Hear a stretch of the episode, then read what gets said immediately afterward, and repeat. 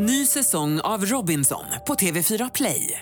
Hetta, storm, hunger. Det har hela tiden varit en kamp. Nu är det blod och tårar. Fan händer just nu. Det. är Detta är inte okej. Robinson 2024, nu fucking kör vi!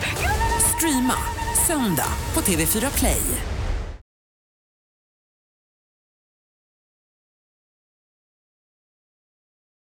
Det första företaget startade han i sina föräldrars källare. Idag är han miljardär och ägare av en global företagskoncern. Varmt välkommen hit Torsten Jansson. Tack så mycket.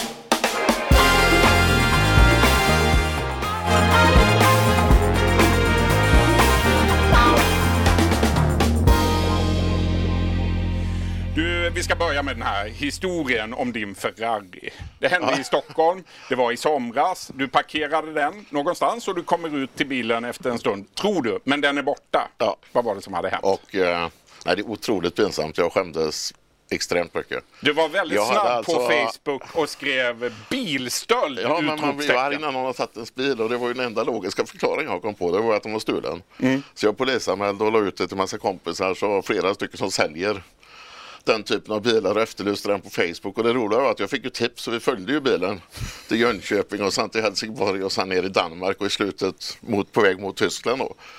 Men sen ringde ju polisen klockan två och sa att det var ett ovanligt enkelt fall, vi har löst det. Jaha, så jag var, ja, du får hämta den där ute, jag har glömt vad det var för den står uppställd, han var felparkerad. ja, jag skämdes som har sett massa människor jobb och polisen i jobb och allt möjligt. Och Hur har det gått med parkeringarna sedan dess? Ingen mer felparkering sedan dess. Ingen mer felparkering. Du Torsten Jansson, vi ska backa tillbaka lite i tiden nu. Eh, hur gammal var du när du startade företaget i dina föräldrars källare? Då var jag 19 år. Varifrån fick du idén? Jag började jobba på ett mejeri och jag insåg väldigt, väldigt snabbt att stå och lägga på mjölkbackar resten av livet, det kommer inte jag att fixa.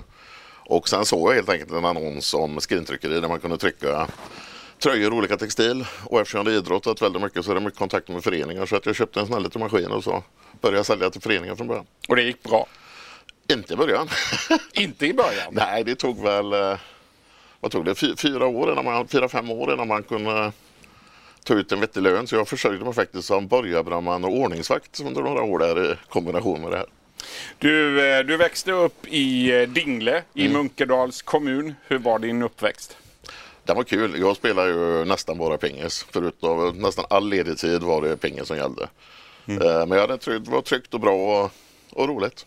Båda dina föräldrar var lärare. Ja. Eh, Men för egen del valde du, precis som jag, tvåårig social linje på gymnasiet. Hur kunde du välja en sån linje med två föräldrar som är lärare? Det, det var en eh, kompromiss kan man säga. För det är väl en av de enda stora konflikterna jag har haft med mina föräldrar. Eh, de ville ju naturligtvis att jag först skulle läsa tre eller fyra år på gymnasiet och sen vidare till universitet. Och min inställning var ju noll år. Var du Ja. skoltrött eller var det så att du Jag snabbt var, ville jag, ut var, jag var 15 och helt övertygad om att jag skulle bli pingisproffs. Vilket Ah. sprack inom ett år efter det. Men det var noll år, noll, år plus, noll år plus två år.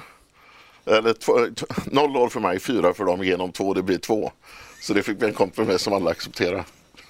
Men du drömde då om att bli pingisproffs. Och du Ja. var ganska duktig. Du var lovande i pingis. Ja, men inte så duktig. Inte så Det, det var, när, när man slutar drömma ens av verkligheten så tänkte man lika bra göra något annat. Du, jag ska återkomma till det där med pingisen om en liten stund. Men du var 26 år gammal när du blev eh, pappa för första gången. Sen eh, ramlade det på. Det kom tre barn till. Idag är du fyra barns pappa. Hur är du som pappa? Oh, det, det tror jag nästan de får svara på. Ja. Eh, Jag hoppas jag är eh, okej. En lekfarbror? Nej, inte lekfarbror kanske, men jag hoppas de känner att man tycker mycket om dem och att man alltid finns där och hjälper till när det behövs och så. Det, Du har sagt att du har ångrat att du inte läste fler språk. Eh, så för ett par år sedan då fick du en språkkurs av din hustru Ulrika Messing. Hur har det gått sedan dess? eh, inte bättre. Inte bättre! men Vad var det för språkkurs du Det fick? var spanska jag fick av henne. Och sen innan dess hade jag köpt den själv på kinesiska också, men det, det är länge sedan. Men, eh, nej, men just språken är, allting annat har jag upplevt att man kan läsa in när man missar i skolan. Man reser i nya länder. Man kan alltid läsa in ett lands ekonomi och politik och geografi och så här. Men just språken är fruktansvärt jobbiga när man blir äldre tycker I jag. Då. hur många länder finns ditt företag idag? Eh, Vi finns med egna bolag och egna kontor är det väl, vad är det? 20, 24-25 länder. Är det ett handikapp att besöka kontoren ute i världen? Att inte vara tillräckligt bra på språk? Ä- ä- Engelska är ju flytande och vi kör ju engelska som koncernspråk. Men det är ju ändå så att eh, det är också roligare att resa och vara i ett land om man förstår, eh, förstår människor på något sätt. Så jag tycker Såklart. de länderna som är hade varit roligast att kunna, hade man kunnat spanska, franska också. Spanska, franska, tyska kanske. Då hade det varit mycket mer roligt att arbeta helt enkelt och resa. Du, eh, nu har du ett par tusen anställda. Förra året sålde du kläder för 6,3 miljarder kronor. Det var all time high för företaget. Hur har det gått i år? Ja, det är, så här långt ligger vi på fram till juni, för jag får inte kommentera det när vi är på börsen. Men fram till juni så hade vi en eh, kraft, eller en fortsatt tillväxt på runt 10 procent. Och, eh, det går eh, fortsatt bra, det, kan vi Fram konstatera. till sista juni gick det fortsatt väldigt bra, så får jag säga. Du, eh, vi ska prata också om din största tabbe i livet. Du har sagt att det var när du för sju år sedan sålde två bilar. Och då är vi tillbaka i det här Ferrari-intresset. Varför var det en tabbe att sälja dem? Ja, det var två väldigt speciella bilar, en F50 och en Ferrari Enzo. Och, eh, jag köpte dem uppenbarligen på ett väldigt bra pris. Sen stod de stilla och sista sommaren när jag sålde dem så hade de, jag tror den ena hade gått 60 mil. Och av de milen hade jag kört 10 för resten var tur och retur verkstaden. Och då kände jag så här, jag kan inte ha de bilarna stående där. Och sålde dem och faktiskt eh, fick bättre betalt. Det sägs att du gjorde en eh, miljon ändå på dem. Ja, jag, jag, jag täckte egentligen alla kostnader det haft, eh, kostat mig ägt dem.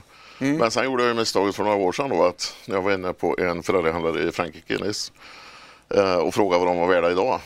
Och då hade ju den ena gått från 7 miljoner till 22 miljoner ungefär. Enzon och den andra då från, ja, vad fick jag, 5 till 12 eller någonting. Åh herregud. Så att hade jag bara parkerat dem i garaget så hade jag då, hade du, bra. då hade du suttit på en 20-30 miljoner till. Ja, faktiskt. Herregud. Du, för några veckor sedan, då var det tio år sedan du gifte dig med eh, Ulrika Messing. Mm. Har ni firat? Ja. Hur då? Eh, Brasserit 1742 i Kosta. Ja. Ja, Ingen utlandssemester där inte. Nej, det, det, det passar inte just då. Nej. Men det ska jag göra. Men det var ett bra firande. Ja, det tycker jag. Du, eh, tillbaka till det där då med pingisen, bordtennisen, där du en gång var talangfull. Eh, du spelar fortfarande både pingis och tennis vad jag förstår. Eh, inte de sista åren nu. Inte de 2012, sista åren. 13, 2012, 11, 12 spelar jag mycket. Men du är Men- med och storsatsar Ja. i ett pingislag, en, ett elitlag för både damer och herrar Ja. hemma i Kosta. Ja, Varför då? Stämmer. Jag tycker det är väldigt roligt och jag ska börja träna igen eh, själv också. Men pingis är en sport jag brinner för och eh, vara med och försöka ta en klubb från egentligen division 4-5 då. Eller från lägsta divisionen som det blir i damfallet upp till ligan då är ju en jätteutmaning och jätteroligt. Är det svårt att få Och- tiden att räcka till eller vad är skälet Ja, det är det, men sen, sen är det också en social del av det. För att ute på landsbygd som Kosta ändå är, där har man ju dragit ner väldigt mycket. Så jag menar, ser du på ungdomar där så finns det väl en ungdomsgård, tror jag, som är öppen fyra timmar i veckan. Och resten finns ju inget att göra. Så att det här ska också vara en, vad ska säga, en ungdomsgård med inriktning på pingis. Så det faktiskt finns något meningsfullt för barn att göra där. Din eh, eh, hustru Ulrika Messing, hon eh, var ju tidigare minister. Nu har det gått ganska många år sedan hon var Mm. minister, men fram till 2006. Eh, hur mycket pratar ni politik hemma? Mycket gör vi fortfarande. Vi tycker jag är road av det också. Så att, eh, det är klart vi pratar mycket politik, det gör vi.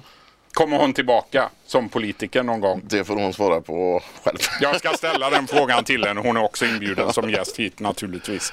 Du, något helt annat nu då. På Facebook skriver du att ni jobbar hårt för att bli mer hållbara. Du har bland annat investerat i solpaneler på taket. Hur inspirerad är du av eh, den 16-åriga klimataktivisten Greta Thunberg? En svår fråga. Eh, Jag var oerhört imponerad i början. Nu känns det mer som det andra som skriver hennes tal och så. Jag vet inte om jag har rätt i det.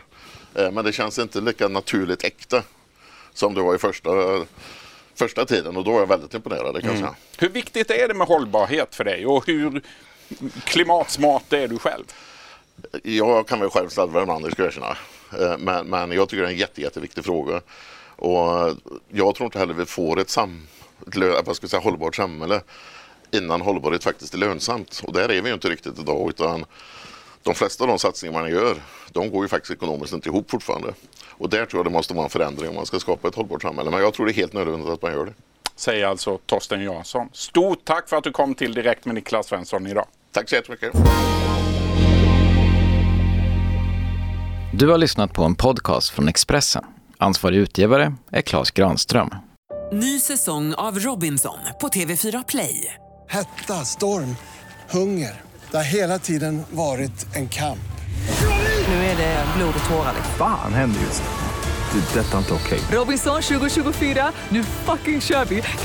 Streama söndag på TV4 Play.